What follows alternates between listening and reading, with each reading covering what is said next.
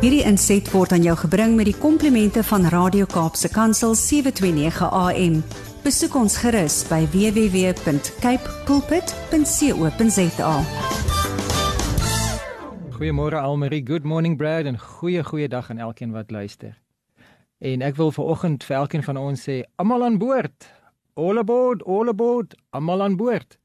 En nee, ons gaan nie met 'n luukse plesierboot ry nie. Daar is nie iets wat jy dalk gemis het in jou e-pos inbox dat jy dalk gou-gou moet regmaak vir 'n vir 'n luukse oorseese vakansie per boot nie. En dis ook nie soos wat dit al wat van tevore vir my die voorreg was wat ek vir my jonger seuns kan sê kom aan boord en dan is ons op 'n pa en seun kanoe daar in die uh, woester omgewing op die Brede rivier besig om so 'n bietjie te te te te paddle in die vlak water. Uh maak ons nou asof ons weet van canoes en maak maak asof ons nou weet van water. Maar dit is so lekker om daai tyd in die natuur te spandeer met jou seuns. Maar dit hierdie is nie 'n plesierboot nie, hierdie is nie 'n kanoe nie. Ons gaan ook nie vlieg nie, want mense kan seker maar sê aan almal aan boord vir oorseese vlug en 'n vliegtuig ook. Uh ek het die voorreg dat ek 3 dae van die week uh mediese studente vervoer en dan met my bus, dan kan ek ook maar sê all aboard en dan kry daar 'n veelvoud van baie briljante wetenskaplikes en uh, aspirant dokters wat aan aan boord klim. En uh, ek verwys nie nou na my bus of na 'n vliegtyg of 'n kanoe of 'n boot nie. Maar nee, as jy enigsins al van tevore geluister het en veral as jy verlede week geluister het, dan weet jy as ek na die woord boord verwys, dan verwys ek nie nou na passasiers nie. Ek verwys nie na 'n boot propvol passasiers nie, maar ek verwys na 'n stuk grond met bome in propvol perskes. Nie passasiers nie, maar perskes. All aboard, almal aan boord. Ons praat oor 'n vrugteboord vanoggend. En ek kan nie oor 'n vrugteboord praat sonder om dit te anker in die Nuwe Testament, Lukas 6 vers 43. Die direkte vertaling sê: 'n Goeie boom dra nie slegte vrugte nie. En 'n slegte boom dra weer nie goeie vrugte nie. Elke boom word aan sy eie vrugte geken. Van 'n doringstruik pluk 'n mens tog nie vye of van 'n doringbos 'n tros druiwe nie. 'n Goeie mens bring die goeie te voorskyn uit die goeie skatkamer van sy hart. En 'n slegte mens bring die slegte voort uit die slegte slegheid wat wat in hom is. Want waar die hart van vol is, loop die mond van oor. Lukas 6. Ons het vir die wat uh, dalk gereeld luister, uh sal onthou dat ons het gepraat oor die verskillende konfigurasies waarin mens bome kan kry. 'n uh, 'n en enkelvoudige enkelboom wat alleen in 'n vlakte staan. Mens kry 'n laning, jy kry 'n boord, jy kry 'n plantasie en jy kry 'n bos. En vanoggend in ons tydjie wat ons saam het, wil ek dit bietjie nader aan die hart bring want nie almal van ons is bosbouers nie. Nie almal van ons is vrugteboere nie. Nie almal van ons het die voorreg om daar in die Nysnabos te kan gaan vakansie hou nie. Nie almal van ons het eers 'n tuin waarin daar boom staan nie. Wat 'n voorreg as jy as jy wel 'n stukkie aarde het en dan 'n boom kan hê waaronder jy kan gaan sit en net die koelte kan geniet. Almal van ons ken hierdie woorde, ons ken die betekenis en ons kan ons verbeelding gebruik om hierdie woorde uh beelde daarvan in ons kopmannetjies se projektorkamer uh, op te stel. En ek wil hê jy moet daai projektorkamer bietjie so opstel dat jy daai enkelboom, daai individuele boom dat hy vir jou verteenwoordig. En dikwels in ons lewe dan voel jy asof jy alleen op 'n vlakte is. Jy voel enkel en alleen, jy voel eensaam en verlate, jy voel just me myself and I en daar's niemand om meer te gesels nie. Die hartseer is dat ons baie keer so voel te midde van mense wat rondom ons is. As jy te midde van 'n klomp vreemdelinge is in 'n in 'n in 'n vreemde setup waar jy nie noodwendig mense ken nie, dan is dit verstaanbaar. Maar die mees tragiese is dat ek het al so gevoel te midde van mense wat ek bitter goed ken en dan het ek was dit asof ek nie myself toegelaat het om met hulle te konnekteer nie. Ek wil nie daardeur sê dat die mense rondom my uh, vir my koue skoue gegee het nie. Ek wil nie sê dat dat hulle uh, self uh, self-absorbed net besig was met hulle eie agenda nie. Hulle was daar vir mekaar, hulle was daar vir my, maar ek het hulle nie toegelaat om diep in my hart in te kom nie.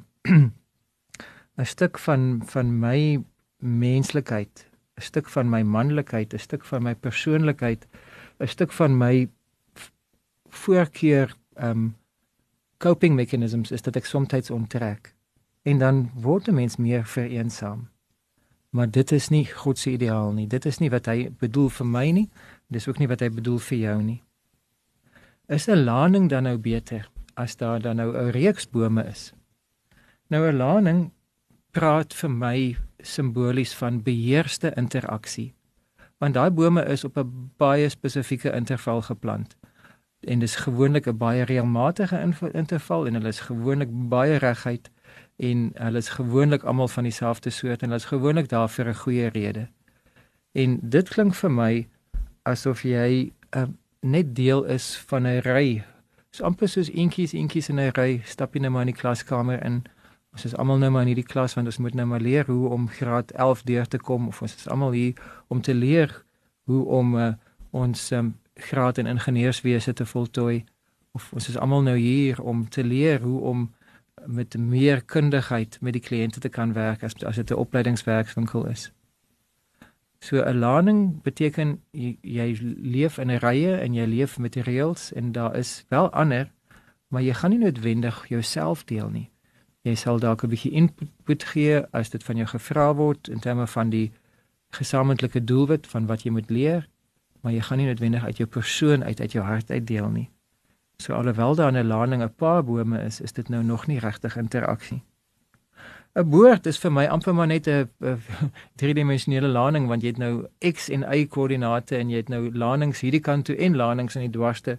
Uh dis amper soos daai speletjie battleships waar jy nou kan sê uh af is al die rye gemerk ge, ge, ge, ge, met letters en regs is al die kolomme gemerk met nommers en dan kan jy nou maar uh, sê G5 of C4 en dan weet jy nou presies na watter battleship jy verwys of dan nou na watter boom jy verwys want 'n boord is ook maar gewoonlik baie simmetries en baie presies geplant ook ter wille van produksie. Ons is almal hier om iets te lewer.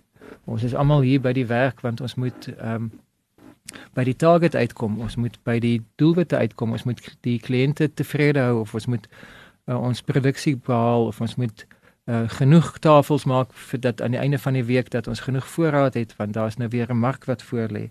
Of ons moet genoeg van die of genoeg van daai daar moet genoeg vetkoeke wees van môre is dit kermis.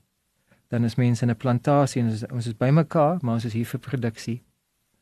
Maar ek moet sê as ek so dink aan veral 'n klompie vroue wat saam in 'n kombuis is gesamentlik daar vir 'n taak moue opgerol voorskote vol vet voorkope voorkope nat gesweet en hulle laat waai met daai vetkoeke of met die pannekoeke of met wat ook al op die spyskaart is, dan is dit selde slegs produksie. So tussen die aangee en tussen die roer en tussen gee my nog sout aan of tussen draai af daai plaat hy's te warm, is daar gewoonlik dieps hartgeheime wat gedeel word. Gesonde volwassenes, gesonde individue, gesonde mense van enige ouderdom wat gemaklik met mekaar is. Skuur nie net skouer met mekaar nie hulle deel met mekaar se harte. En ek weet nie hoekom dit so is nie, maar dit voel vir my asof vroue baie meer geneig is om met hulle harte op hulle mou te loop. Ons mans kan by hulle leer dat jy kan besig wees om vinnig en flink te werk. Nou ja, multitasking is vir enige man 'n uitdaging. I can sit and I can think, but I cannot sit and think because that's multitasking and I cannot sit and think at the same time. So multitasking is vir my 'n groot uitdaging. Maar vir mans en vir vroue is dit goed om nie net in 'n produksielyn, nie net in 'n boer te lewe nie, maar met mekaar, mekaar se harte te deel. Maar 'n deel daarvan het te doen met hoe ons groot word.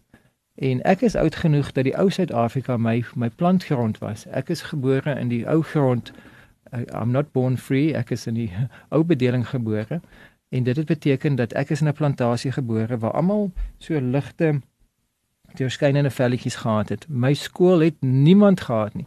Daar was dalk iemand wat 'n Portugese oupa gehad het en wat dalk so effens donkerder was, mooi donker hare of dit was 'n meisie met 'n mooi donker oë, maar dat ek nou nie gedistracted raak nie. Maar uh, oor die algemeen was ons almal so vaal en ewe uh, ewe bleek geweest. Waar dit nou so voorreg is dat ons skole en ons samelewing is 'n weerspieëling van 'n homogene van 'n diversiteit. Ons ons homogene is nie net meer daar's diversiteit. Daar's die verskeidenheid van alle forme van kulture, alle forme van aandag wat gekry word. Dit is vir my so 'n voorreg dat ons so saam lewe. Ek wonder of jy saam met my kan die Here vertrou vir 'n bos. Want in 'n bos, anders as 'n plantasie, is dit nie net voels van enige vere nie. In 'n bos is dit verskillend verskeidenheid van bome.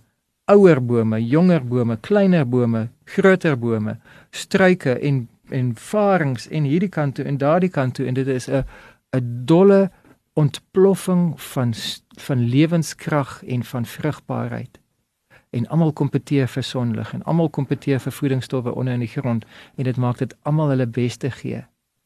En die diversiteit maak dat dit die, die diere lewe en die insekte lewe en alles soveel ryker is as wat dit is wanneer almal net van dieselfde vere is. Ek verlang na bos. Ek wil nie as 'n enkel boom of in 'n laning of in 'n boord of in 'n plantasie lewe nie. Ek wil in 'n bos lewe waar daar mense is wat jonger is as ek, waar daar mense is wat ouer is as ek, mense van wie ek kan leer omdat hulle meer lewenservaring het. Jonges van wie ek kan leer omdat hulle meer entoesiasme en meer energie het. Mense wat van ander kulture groot geword het, mense wat die Here anders te beleef as ek. Uh, ek het dalk stil en stemmig met in 'n stilte kerk groot geword en hier's dalk iemand wat met uitbundigheid die volheid van Pinkster beleef het al en dit met ander wil deel. Ek wil diversiteit beleef in my kerkbelewenis, in my kultuurbelewenis, in my maaltye, in my werk, in my taal. Ek wil nie net sê môre maar nie. Ek wil sê tobela me en ek wil weet dat ek wat, wat ek daarmee bedoel. Wat 'n voorreg om in 'n land te lewe waar daar soveel diversiteit is. Kom ons vertrou die Here dat hy vir ons 'n tyd sal gee vir boslewe.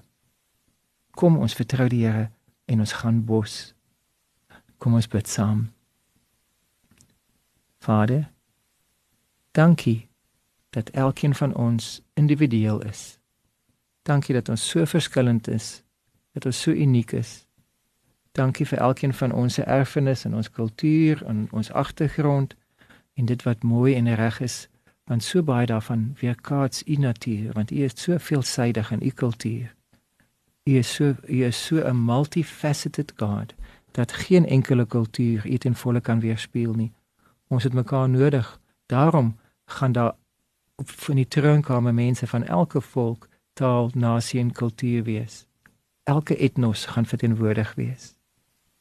Here ek vra dat u my hart en my lewe sal oopmaak om meer diversiteit te waardeer, om meer oop te wees om myself te deel, dat ek nie as 'n kruikhirurg my nie eenkant in in die hoekie sal staan nie, maar dat ek myself sal gee en dat ek sal leer van die wat voor my daar was, sal leer van die wat tog so jonk is en dat ek sal gee van dit wat U alreeds vir my geleer het.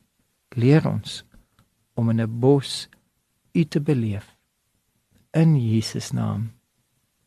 Amen. Hierdie inset was aan jou gebring met die komplimente van Radio Kaapse Kansel 729 AM. Besoek ons gerus by www.cape pulpit.co.za.